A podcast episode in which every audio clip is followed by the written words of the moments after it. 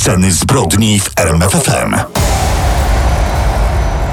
Cześć. Dobry wieczór. No to jeszcze dodajmy dzień dobry, bo nie wiemy, kiedy będziecie tego słuchać. Tutaj Kamil Barnowski i Daniel Dyk i nasz nowy podcast Sceny zbrodni w RMFFM. W każdą niedzielę nowy temat. Zapraszamy Was do słuchania najpierw w Radiu RMFFM od 22 do północy, a później, później tutaj szukajcie właśnie podcastów. I dzisiaj wybraliśmy dla Was najbardziej krwiste historie z tego miejsca marzeń, z oceanu, Z gdzie, krainy snów. Tak, gdzie Zmieniającej się czasem w krainę koszmarów. gdzie niby wszystko jest kolorowo i pięknie i ludziom wszystko się udaje, Dzisiaj o zbrodniach Hollywood. tylko dla słuchaczy o mocnych nerwach.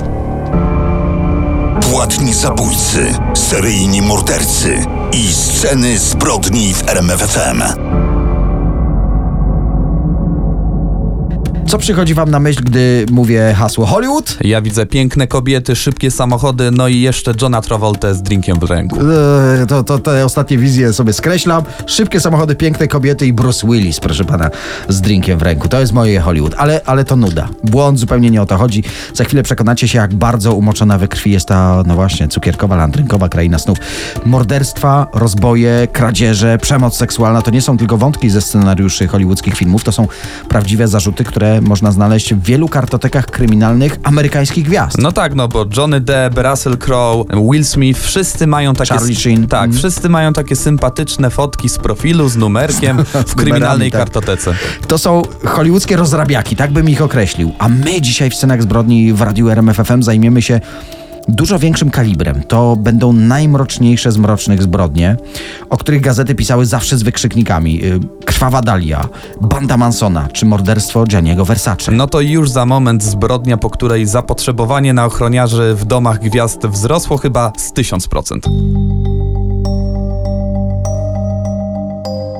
Dzisiaj krwawe historie rodem z Hollywood. Y, No to jeszcze raz się przedstawmy. Daniel Dyk, I Kamil Barnowski. nasz radiowy detektyw tropiący zbrodniarzy, taki nasz ojciec Mateusz. No już od razu. Akurat rower mam popsuty, ale zaczynamy od bandy Mansona, to temat rzeka, więc Rzeka krwi. W sumie, dlaczego mówisz temat rzeka? Krótka historia. Nocą z 8 na 9 sierpnia 69 tak, roku tak, zgadza się. cztery osoby z bandy Mansona wtargnęły do hollywoodzkiej willi, gdzie trwała impreza z udziałem żony i przyjaciół Romana Polańskiego. Egzekucja. Właściwie koniec historii. Ale moment, w ogóle powiedzmy ludziom, kim był Manson, bo tak przeleciałeś po tym szybko jak te żywe jakieś. Najsłynniejszy seryjny morderca Ameryki yy, i tu paradoks, który bardzo możliwe, że jest jedynym seryjnym mordercą, który osobiście nikogo nie zamordował. Ale do rzeczy, nie bez znaczenia dla całej tej historii jest to, że Manson był dzieckiem prostytutki, jego matka przebywała w więzieniu za napad z bronią w ręku, Taki więc wzorzec macierzyństwa. ktoś się musiał nim zająć, no i zamieszkał z fanatycznie religijnym wujostwem w zachodniej Virginii. Nie wyprostowało go to. Miał sam 9 lat, jak trafił do poprawczaka po raz pierwszy i w zasadzie tam zamieszkał, bo skazywano go co chwilę za różnego rodzaju kradzieże i rozboje. Ale bądź też dla tego chłopaka chociaż trochę sprawiedliwy, bo miał swoje pasje, bo miał kapelę, robił muzykę, wielkie marzenia. Tak, i był z pasji stręczycielem, był przywódcą grupy religijnej Rodzina, The Family, straszył członków grupy rewoltą i rzecią białych. Taką miał pasję i zrobił wszystko, by słowa dotrzymać, bo pewnego dnia, gdy do rzezi w przewidywanym przez niego terminie nie doszło, wyszedł do wiernych, powiedział, oto jest ten dzień, oni nie przyszli do nas, to my idźmy i zarżnijmy białych osobiście. I tak właśnie zaczęła się najbardziej krwawa historia w dziejach Hollywood. Sceny zbrodni w RMFFM. No to wracamy do spotkania Sharon Tate, żony Polańskiego, z jej przyjaciółmi, na którym zjawili się niespodziewani goście. Pytanie, które mnie nurtuje najbardziej, dlaczego to właśnie willa Romana Polańskiego stała się celem sekty Mansona? O, tutaj teorii było naprawdę wiele. Sam Manson mówił, że, że gwiazdy te siały zepsucie, ferment. Między innymi y, dlatego po wykonaniu zbrodni członkowie sekty krwią ofiar wypisali na drzwiach napis pig, czyli świnia, określenie bogatych ludzi używane wtedy przez najbardziej te ekstremistyczne organizacje. Ja znów jestem wyznawcą trochę innej teorii, że to była zemsta, a Mm, Za wybór, coś mógł się mścić na Polańską. wybór tej rezydencji nie był przypadkowy. Manson dobrze znał układ tej posesji, no bo odwiedzał w niej producenta muzycznego Terego Melchera. On miał pomóc Mansonowi w jego karierze No, muzycznej. tak, wspominałeś, że, że miał taką pasję, ale Ale nie pomógł, no i zranił serce Mansona, a co gorsze jego ego. i tym zranionym ego urządził krwawą jatkę I w jego domu. Dodajmy, że akurat wtedy producenta tam nie było, Od bo już nie tam mieszkał, nie prawda? mieszkał, a zamiast niego w tym domu była jego żona i przyjaciele Polańskiego. Polowanie na bandę Mansona trwało kilka miesięcy, nie należało do najłatwiejszych. Była ogromna presja wystraszonych gwiazd Hollywood, milionerów, którym śmierć zajrzała w oczy i wtedy masowo zaczęli zatrudniać dodatkową ochronę, instalować alarmy. Ale na szczęście jedna z przyjaciółek Mansona, Susan Atkins. Tak ona została aresztowana w innej sprawie, no i pochwaliła się jednej z koleżanek w więzieniu, że to ona brała udział w tym morderstwie. No i dzięki tej informacji śledztwo wreszcie nabrało właściwego tempa. Proces bandy Mansona zakończył się w styczniu 71 roku. Sprawców skazano na dożywotnie więzienie. Ponieważ w Kalifornii nie stosowano wtedy kary śmierci, pewnie inaczej by się to skończyło.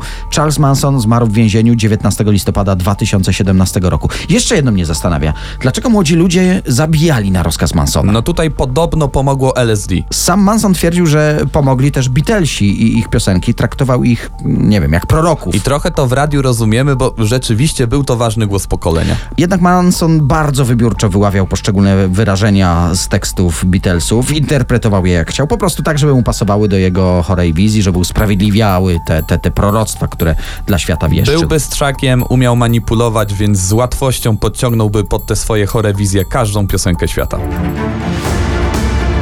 Daniel Dyk i Kamil Barnowski prezentują Sceny zbrodni w RMFFM. Obiecaliśmy wrócić do kolejnej mrocznej historii rodem z Hollywood. Rok 97, ciepły wieczór, przechadzka e, znanego projektanta mody Gianniego Versace powoli się już kończy. Dochodzi do swojego pałacu w Miami Beach i wtedy padają dwa strzały. Kule trafiają go w twarz. I tutaj romantyczna wizja się kończy. Padł ofiarą kochanka, jak potem okazało się seryjnego mordercy Andiego Kunanana. Seryjnego, bo tego samego roku zamordował jeszcze czterech innych mężczyzn, w tym między innymi byłego partnera i cmentarnego dozorcę. Ale na punkcie Gianniego Versacego miał prawdziwą obsesję, był o niego chorobliwie zazdrosny i to prawdopodobnie była przyczyna tragedii. Zresztą po ośmiu dniach, wyobraźcie sobie, od zabójstwa projektanta zastrzelił sam siebie przy użyciu tej samej broni. Nie wiem, to miało być chyba jakieś takie romantyczne Symbolizm. połączenie, symboliczne. Tak.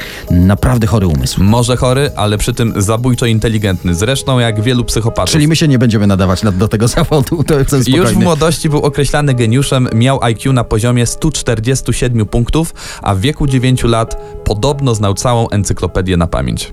Można powiedzieć, że Versace był ofiarą toksycznej miłości, prawda? Albo raczej przygody łóżkowej. Jest jeszcze jednak y, teoria spiskowa, bardziej w stylu ojca chrzestnego. Że zemsta innego dyktatora mody, jakieś takie zamieszania. Nie, nie, nie. Ex-mafiozo Giuseppe Di Bella, który od dawna jest informatorem FBI, twierdzi, że Versace zginął, bo nie spłacał długów mafii.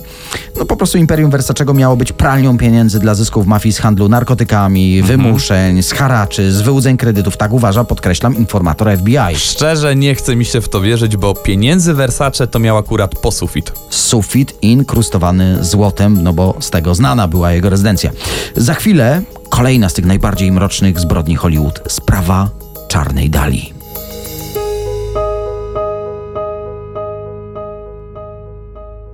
I to jest historia, w której jest wszystko, by powstał mocny kryminał. Jest piękna kobieta, jest okrutne zabójstwo, jest śledztwo, w którym niemal każdy znajomy ofiary mógł być mordercą. Mówisz, że jest wszystko, no i właśnie powstały ze dwa takie kryminały. Podejrzanych o morderstwo było 200 osób, z czego, uwaga, 60 się przyznało. To była tak głośna sprawa w USA, że ludzie liczyli na jakąś chorą chyba sławę. No ale wiem, wiesz, to jest Hollywood, miasto niespełnionych gwiazd. Tak Każdy myślisz? chce coś osiągnąć, gdzieś tam się wbić. No to może od początku. Ranek 15 stycznia 47 roku, centrum Los Angeles. Chodnikiem przechadza się mama z trzyletnią córeczką. Na trawniku widzą uszkodzonego manekina sklepowego. Górna połowa ze zdeformowaną twarzą, z wyciętym makabrycznym uśmiechem, dosłownie od ucha do ucha.